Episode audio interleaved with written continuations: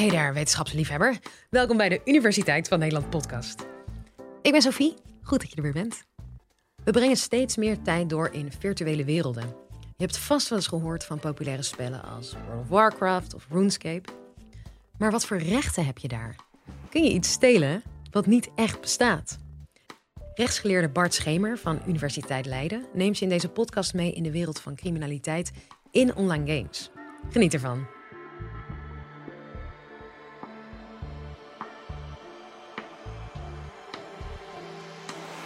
Live vanuit Club Air is dit de Universiteit van Nederland. Kun je ook een zwaard stelen in een computerspel? Beginnen met een verhaal uit China. Qi Shengwei en Su Kaoyan zijn beide spelers van het spel Legends of Mir. Legends of Mir is een massive multiplayer online roleplaying game. MMO. En dat is een spel waar je kan voordoen als een tovenaar of als een ridder en waar je draken kan verslaan, waar je schatten kunt vinden, waar je geld kan verdienen. Q heeft een heel mooi zwaard in het spel, een drakenzwaard. En op een dag komt Zhu naar hem toe in het spel en zegt: Q, mag ik jouw drakenzwaard lenen, want ik wil een draak verslaan. Q geeft zijn zwaard in het spel vrijwillig aan Zhu. Zegt, hier heb je het zwaard, succes tegen de draak. Zhu gaat niet naar de draak toe, maar Zhu gaat naar eBay toe. En hij zet op eBay het virtuele zwaard van Q te koop. En hij verkoopt dat voor 500 echte dollars. Q komt Zhu op een gegeven moment weer tegen het spel en zegt: Waar is mijn zwaard? Ja, dat heb ik niet meer. Maar wat heb je er dan mee gedaan? Ja, ik heb het niet meer. En daar eindigt op dat moment de vriendschap natuurlijk. Q is woedend dat het zwaard weg is en gaat naar de Chinese politie toe. Hij komt daar aan de balie, briesend, en hij zegt: Mijn zwaard is gestolen. Nou, op dat moment kijkt de politieagent al een beetje bevreemd, een gestolen zwaard, en zegt: Goed, hoe ziet het zwaard eruit? Nou, het ziet er zo en zo uit. En waar had u het zwaard? Ja, in een spel. Dan zegt de politieagent: In een spel? Ja, het is een zwaard uit een computerspel. En dan zegt de politie: Ja, maar daar kunnen we ons niet mee bezighouden. Dat staat niet in de wet, dat je zwaarden uit spelletjes kunt stelen. Ik kan niks voor u doen, sorry. Q wordt nog bozer dan dat hij al was. En hij besluit om naar Zhu toe te gaan. Hij weet waar hij woont in de echte wereld. En hij gaat naar het huis van Q toe.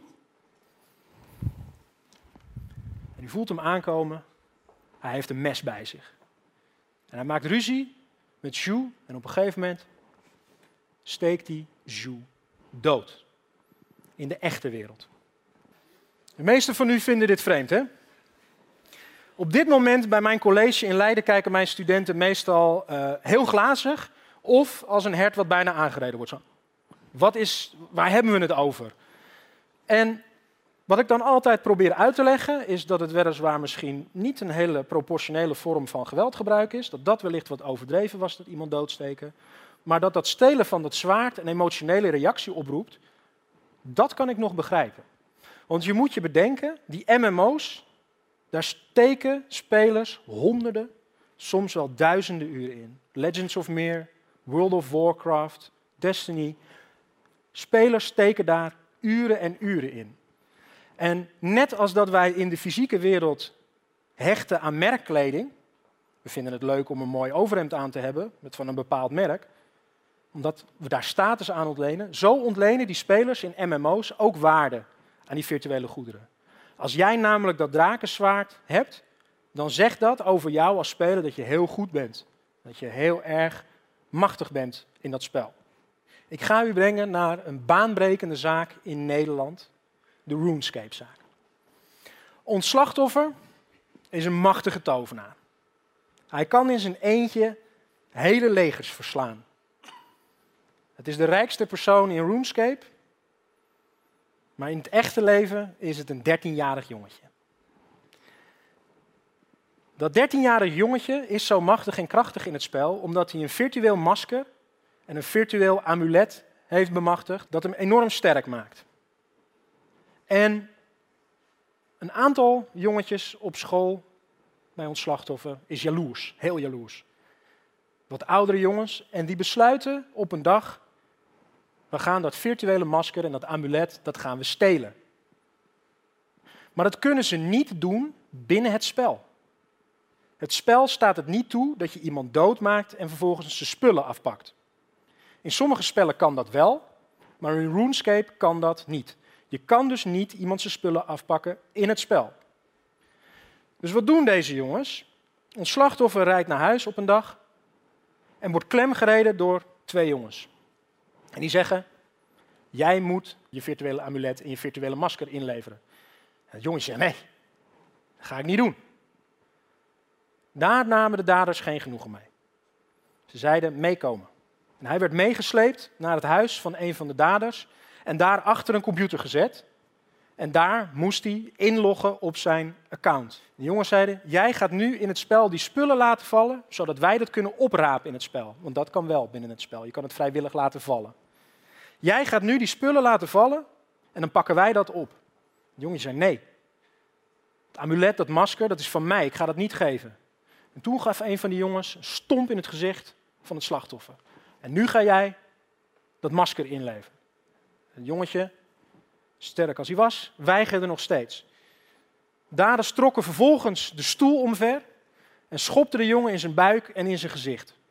Hij weigerde nog steeds. En toen pakte een van de daders een keukenmes uit de keuken. U ziet een patroon hier hè, in deze spellen. Hij pakte een keukenmes en hij zei: Nu ga jij dat masker en dat amulet aan ons geven. En toen stortte het jongetje natuurlijk in en hij gaf in het spel zijn amulet en masker aan de daders.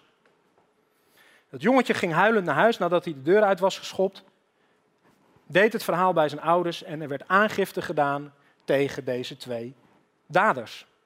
En naast geweldpleging, bedreiging, werd hen ook diefstal ten laste gelegd.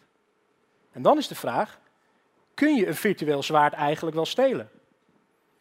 In ons wetboek staat in artikel 1 strafrecht dat alleen dat strafbaar is wat in de wet staat.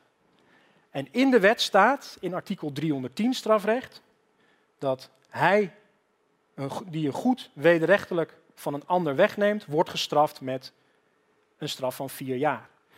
En dan komt de juridisch ingewikkelde vraag, maar valt een virtueel zwaard wel onder de definitie van een goed? Nou, dat is de vraag die uiteindelijk voor de Hoge Raad is gebracht. En wat je dan ziet, is dat de Hoge Raad, ons hoogste rechtscollege, gaat interpreteren wat er eigenlijk in de wet staat en hoe de wet uitgelegd moet worden.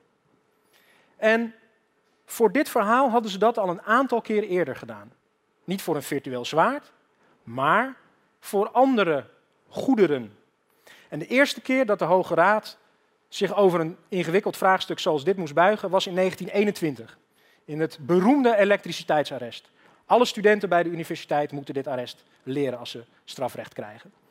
En het elektriciteitsarrest dat gaat over de vraag of het aftappen van elektriciteit of dat diefstal is, of je daarmee een goed wegneemt. De casus is als volgt: een tandarts steekt een breinaald in de meter en daardoor loopt de meter niet door. En ondertussen krijgt hij wel natuurlijk gratis de stroom. Is dat een goed? De Hoge Raad zei inderdaad ook, dit is een goed. Het is weliswaar niet iets, iets stoffelijk, maar het heeft wel kenmerken van stoffelijkheid. En iedereen die twijfelt aan de stoffelijkheid van elektriciteit, moet zijn vingers maar eens in het stopcontact steken. IJzersterk argument, kun je niet omheen. De volgende keer dat dit werd voorgelegd, dat was een stuk later. Dat was in 1982 in het giraal geldarrest. En het giraal geldarrest gaat over een vrouw die per ongeluk geld op haar rekening gestort krijgt en denkt, hé, hey, dat is leuk. En vervolgens dat geld uitgeeft en dat geld uiteindelijk dus verduistert. En dan is de vraag, verduisteren van goederen, diefstal van goederen, geldt dat ook voor giraal geld?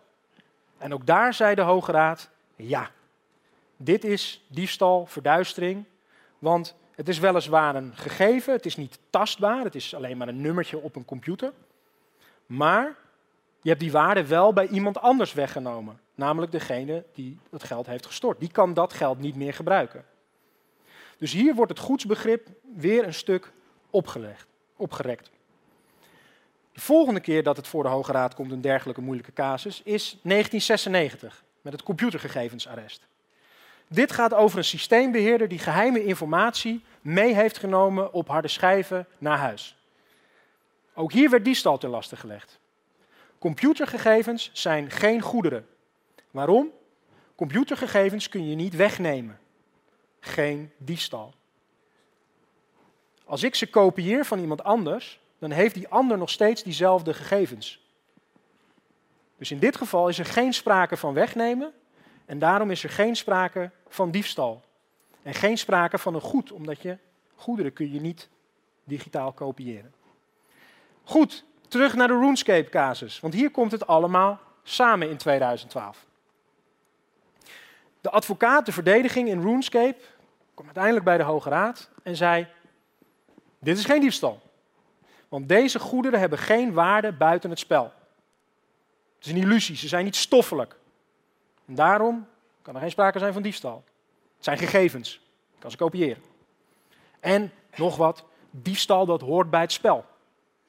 Dus dit is geen diefstal.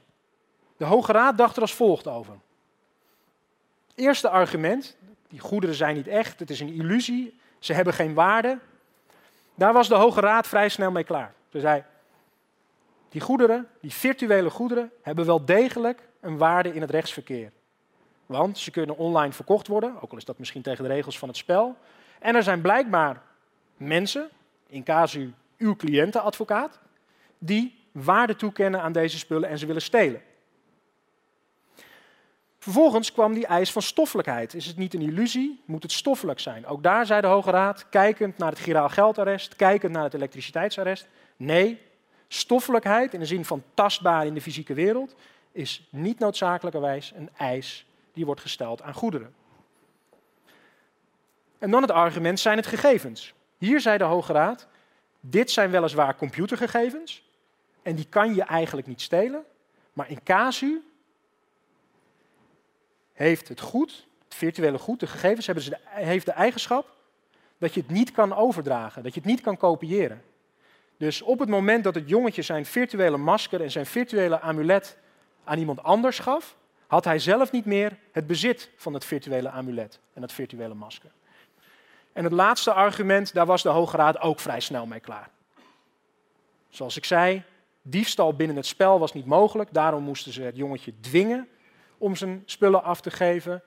En iemand in elkaar slaan en met een mes bedreigen, dat is geen onderdeel van het spelletje RuneScape. Dat hoort er niet bij. Dus de Hoge Raad zei, in deze casus is er sprake van diefstal. Dus ja, u kunt zwaarden online stelen uitspellen. Maar is misschien één uitzondering. Kelly is een speler die het spel EVE Online speelt. En in dat spel kun je geld verzamelen. En dat geld dat bewaar je aan boord van je ruimteschip. Maar als jouw ruimteschip in de ruimte gekaapt wordt, geënterd wordt, dan kan jouw geld gestolen worden. Het stelen van geld is dus een onderdeel van EVE Online. Kelly, een echte entrepreneur, dacht op een gegeven moment: ik ga een bank beginnen. Wat hij deed, hij zei: ik maak een bank. En spelers, jullie kunnen jullie geld bij mij veilig in mijn bank neerzetten. Heel veel spelers die zagen daar wel brood in. En uiteindelijk is er zo'n 780 miljoen interstellar credits gestort op de bank van Kelly. 780 miljoen interstellar credits staat ongeveer gelijk aan 150.000 echte euro's. En u voelt hem al aankomen. Op een dag dacht Kelly, de groeten. Kelly vertrok met de Noorderzon met zijn bank, betaalde niet uit en cashte in de echte wereld dat virtuele geld en cashte 150.000 harde, echte euro's. En Kelly zit nu waarschijnlijk ergens op een eiland zich nog steeds gek te lachen. Want list en bedrog is onderdeel van het spel. En daarom is Kelly niet strafbaar. Dus de volgende keer als u iets gaat stelen in een online spel, zorg dan dat dat in een spel is waar dat ook daadwerkelijk mag. En ga niet mensen bedreigen om hun virtuele zwaard aan te geven. We vinden het leuk als je ons laat weten wat je van dit college vond een review achter te laten in je podcast-app. Volgende keer gaan we het hebben over de ethische kanten van diepe hersenstimulatie. Nou, mijn naam is Sofie Frankenmolen en heel graag tot de volgende.